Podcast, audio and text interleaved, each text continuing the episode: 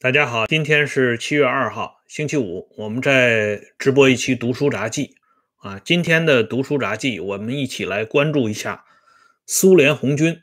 上个世纪四十年代中期，也就是第二次世界大战刚刚结束之后啊，他在苏这个东北地区干的那些好事儿啊，让很多好人至今都忘不了。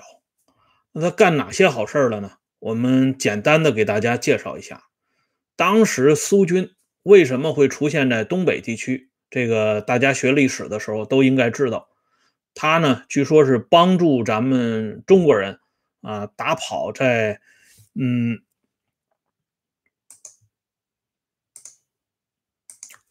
东北地区的日本人啊，人家呢八月八号对日本人宣战了啊，确实呢，这个苏军呢进入到东北之后呢。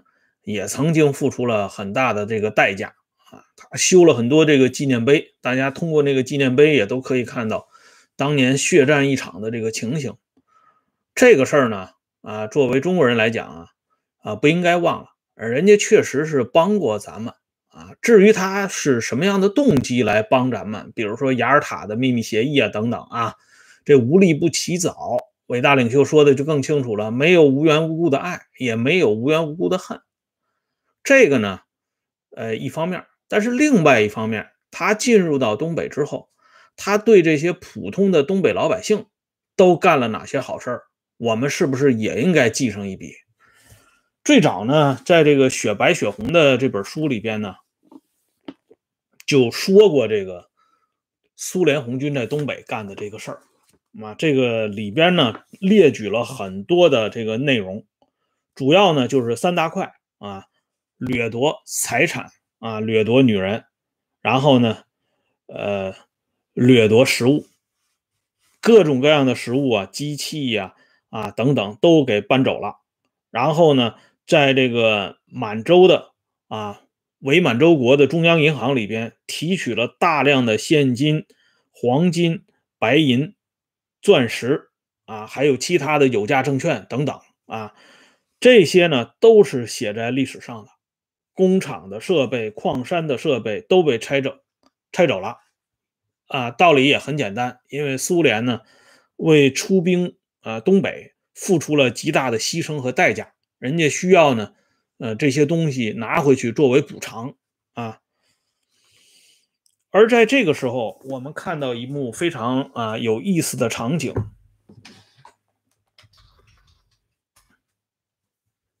这里呢。给大家简单做一个介绍，这是当时啊留下的一些啊文字材料。他说呀，这个苏联是使用一切力量将大量的工业设备拆卸装车运送回国，相当于东北地区总发电量的百分之六十五的电力供应设备被苏军拆运回去。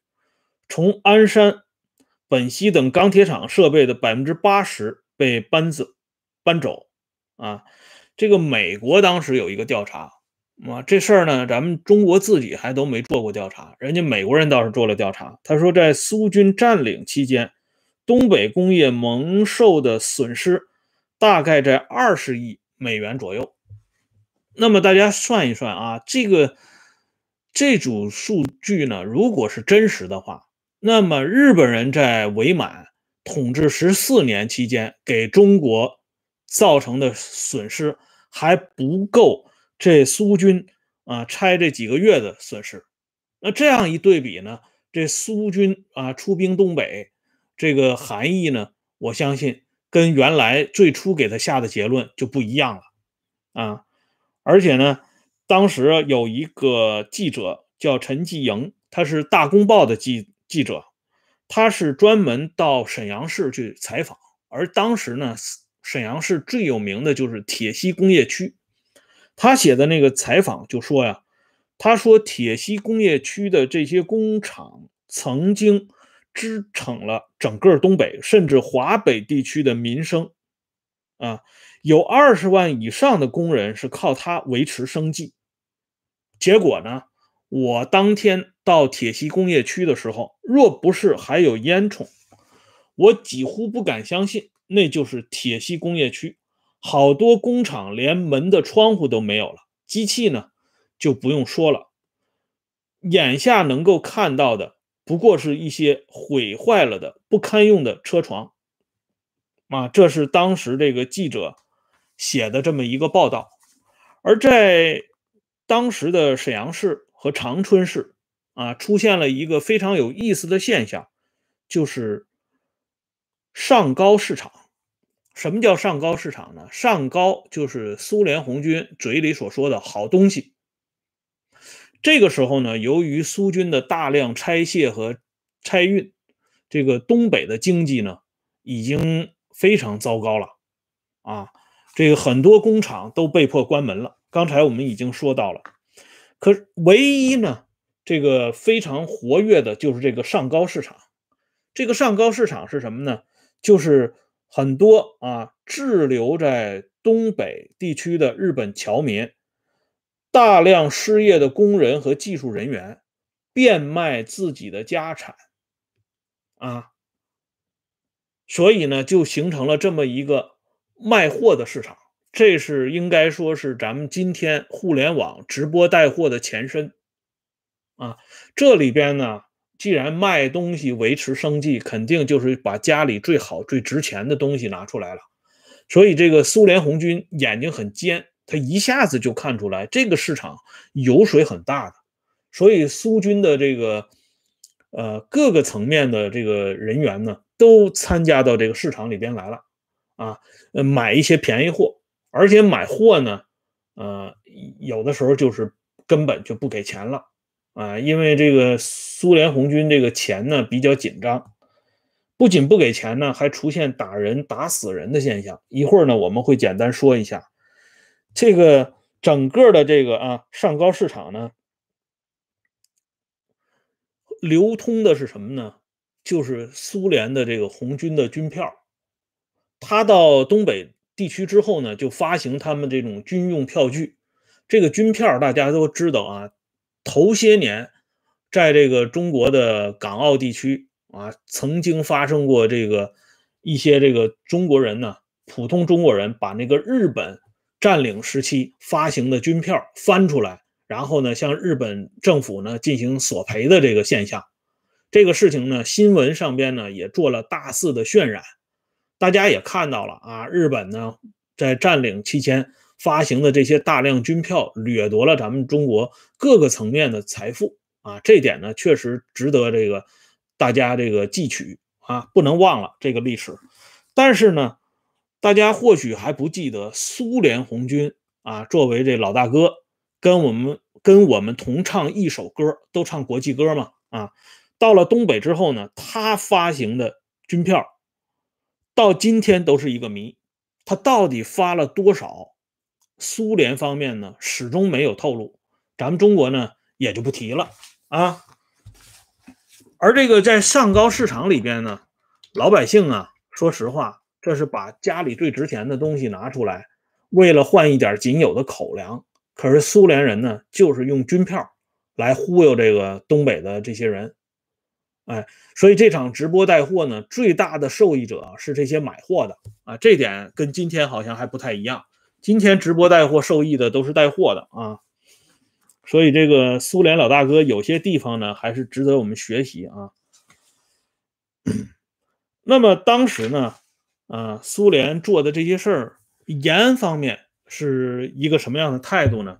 我们来看一下，在这个《雪白雪红》这本书里边呢，介绍了一个呃事情，就是一九四五年十月十二号，延安的。啊，党中央的机关报《解放日报》啊，也是今天的上海市委机关报，头版写了这么一篇文章：从东北回家的博爱劳工说，苏联红军对中国人民亲如一家。啊，有这么一个实地报道，就是说苏联红军非常好，对待中国老百姓非常好，跟一家人一样。那这个延安的《解放日报》。按说是党中央的机关报，他说的话呢，一定是最真实的，对吧？可是呢，实际情况呢，跟这个《解放日报》说的还不太一样啊。为什么不一样呢？我们来看一下具体的这几件事儿，其中有一个最有名的事件，就是张新夫事件。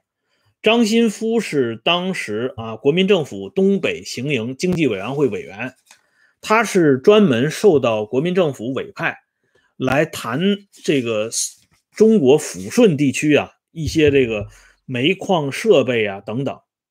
在谈判过程当中，他和他的随员。在一九四六年一月十六号下午四点开始就失踪了，到晚上八点多，这些人就是被苏军呢用刺刀给挑死了。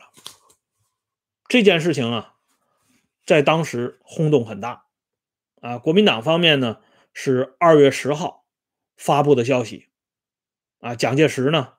对这件事情非常震惊，责成有关人员与苏军呢进行交涉。而这个时候啊，大家看一下啊，这个中央呢给各地的分局的指示，在二月二十五号也发出了。国民政府是二月十号做出啊姿态的，那中共中央呢是在二月二十五号做出姿态的，前后差了半个月。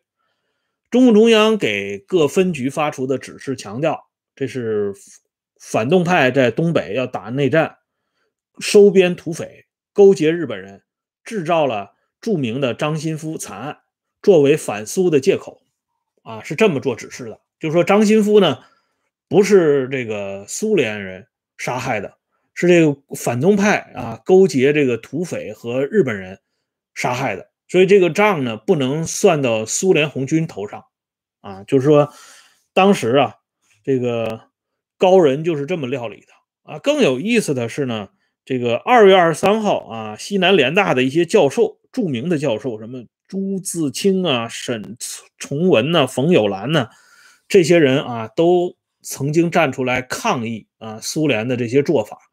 但是后来呢，经过这个党组织做工作。这些人的这个大牌知识分子啊，这些都是大师，什么顾颉刚啊、翁独健、郑天挺啊，包括这个收集这个古玩的张伯驹啊。后来这些人呢，看法就不了了之了。反正这件事情呢，就翻篇了。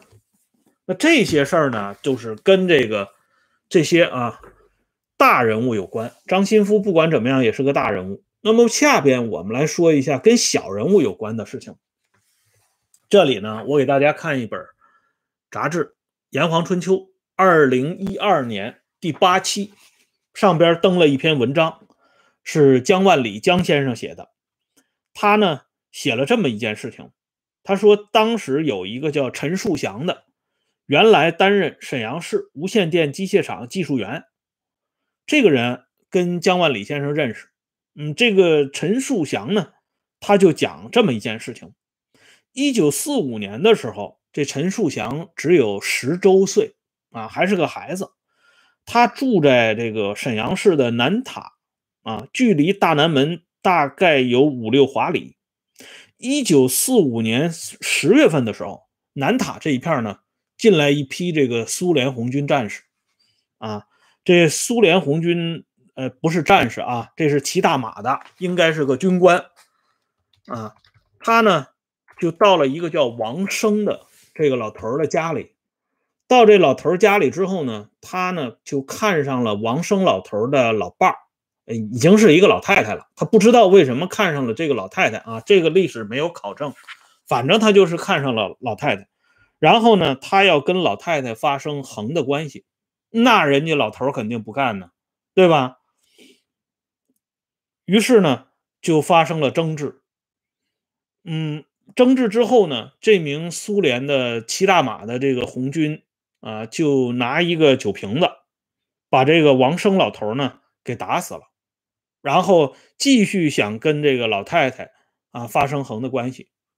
由于这个争执过程当中动静比较大，惊动了周围的邻居。这个邻居里边呢有一个姓蔡的这家人，蔡家呢有好几个兄弟，都是年轻力壮的。一看这苏联红军要这么干，他们就不干了。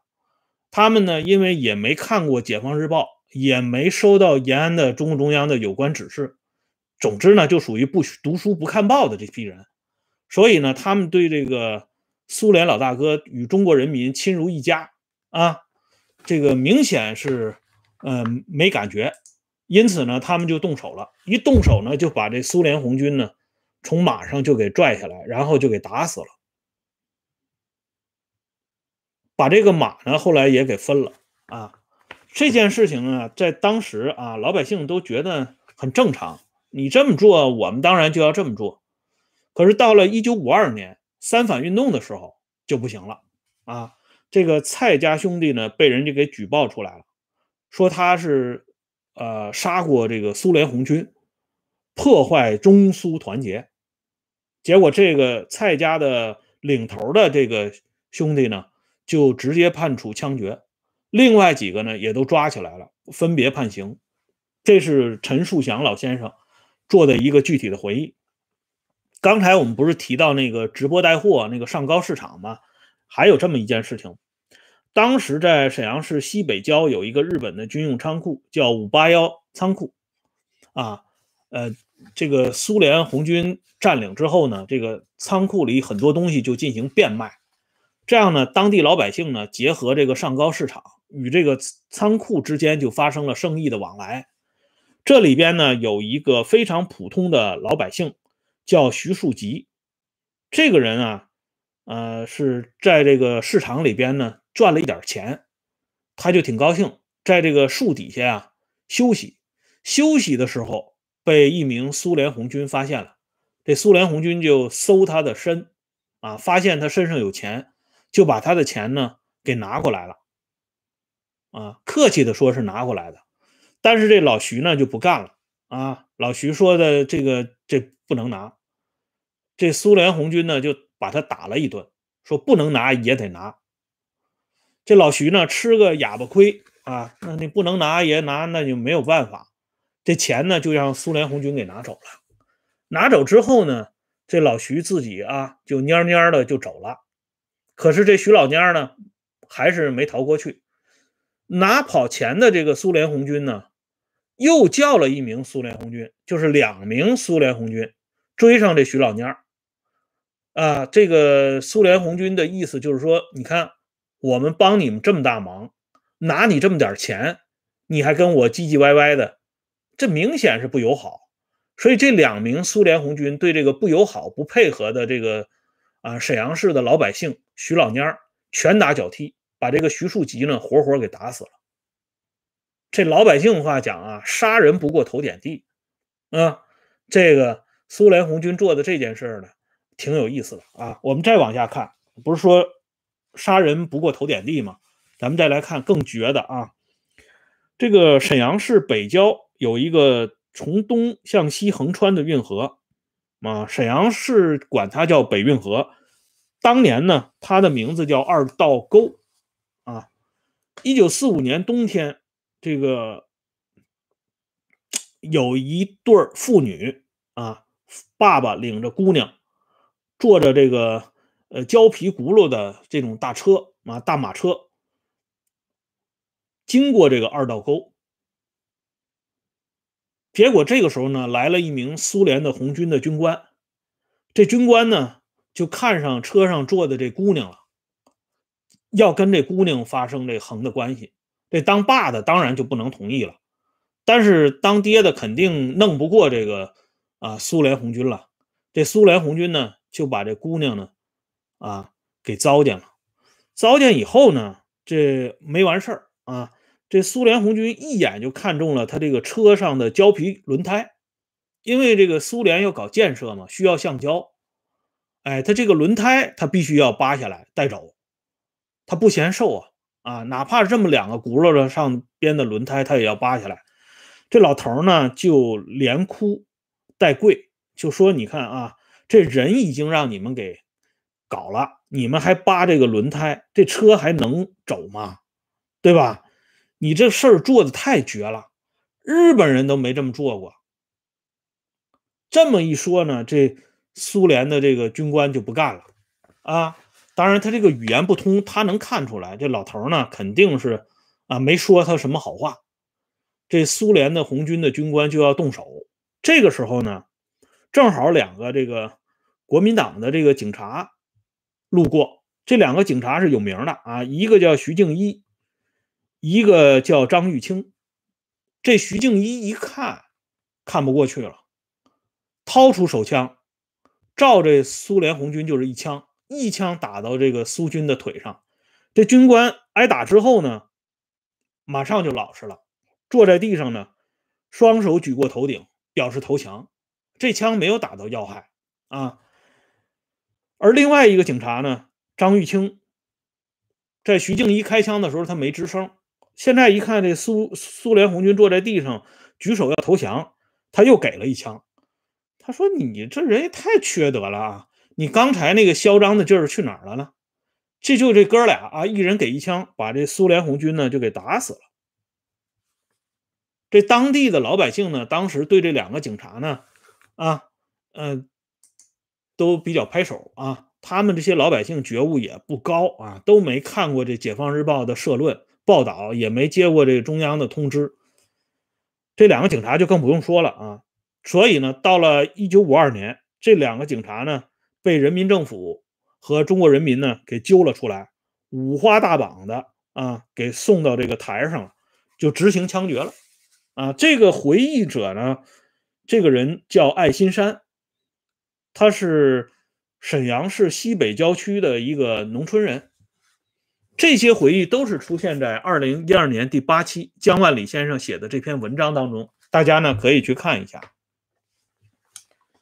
由此啊，我想到我在年轻的时候上大学的时候曾经经历过的一件事儿啊。那个时候呢，我被人家引荐啊，因为这个当时对这个高岗这件事情很感兴趣，所以人家就给我推荐了一位老前辈啊。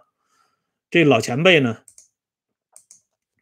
曾经在东北局啊任职过啊，他呢资格真的挺老，他这个任职的时候呢。朱镕基还是他下边的工作人员，啊，就是说他曾经做过老朱的上级，但是这位老前辈呢，混了这么久啊，资格这么老，最后呢退休的时候就离休的时候才给了他一个副局级待遇，他一直是当处长，所以那时候我们就不理解，就问他说：“你这个革命这么早啊，资历这么老，为什么才混这么个级别？”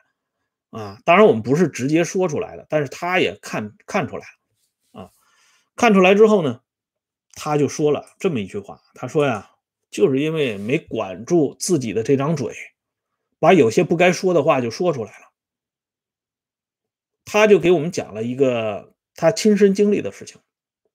他在东北局任职的时候啊，正是中苏关系特别好的时候，他对这个苏联呢就没有好感。为什么没有好感呢？因为他亲叔叔。遭遇的一件事情，让他没有好感。他叔叔呢是典型的东北人啊。有一次呢，这个苏联红军呢作为不速之客，突然到他叔叔家里去拜访，然后呢，这苏联红军呢就要跟他婶子发生横的关系，他叔叔就不干了，就敲那个铜盆啊，一敲铜盆呢，周围的邻居就出来了。这苏联红军一看人多之后不好办，啊，就没得逞。但是临走的时候呢，给他叔叔留了个纪念，就是用那个，啊，我们叫那个转盘机枪啊，那用那个机枪的枪托，照他叔叔腰上就来一下子，这一下子打得非常狠啊。他叔叔后来呢，就给打残废了。所以这件事情啊，这老爷子记得非常清楚，他对这个苏联红军呢就没有好感。正好他有个任务。他这个任务呢，就是了解啊，这个东北这个基层对这个苏联红军是如何赞美，搞这么一个调调查材料。所以这个材料他搞得非常认真详实。这么一搞，上边就不高兴了，认为这个人不行，不能重用。啊，万幸的是啊，他当时的顶头上司对他非常好，所以他一九五七年呢逃过一劫，要不然啊。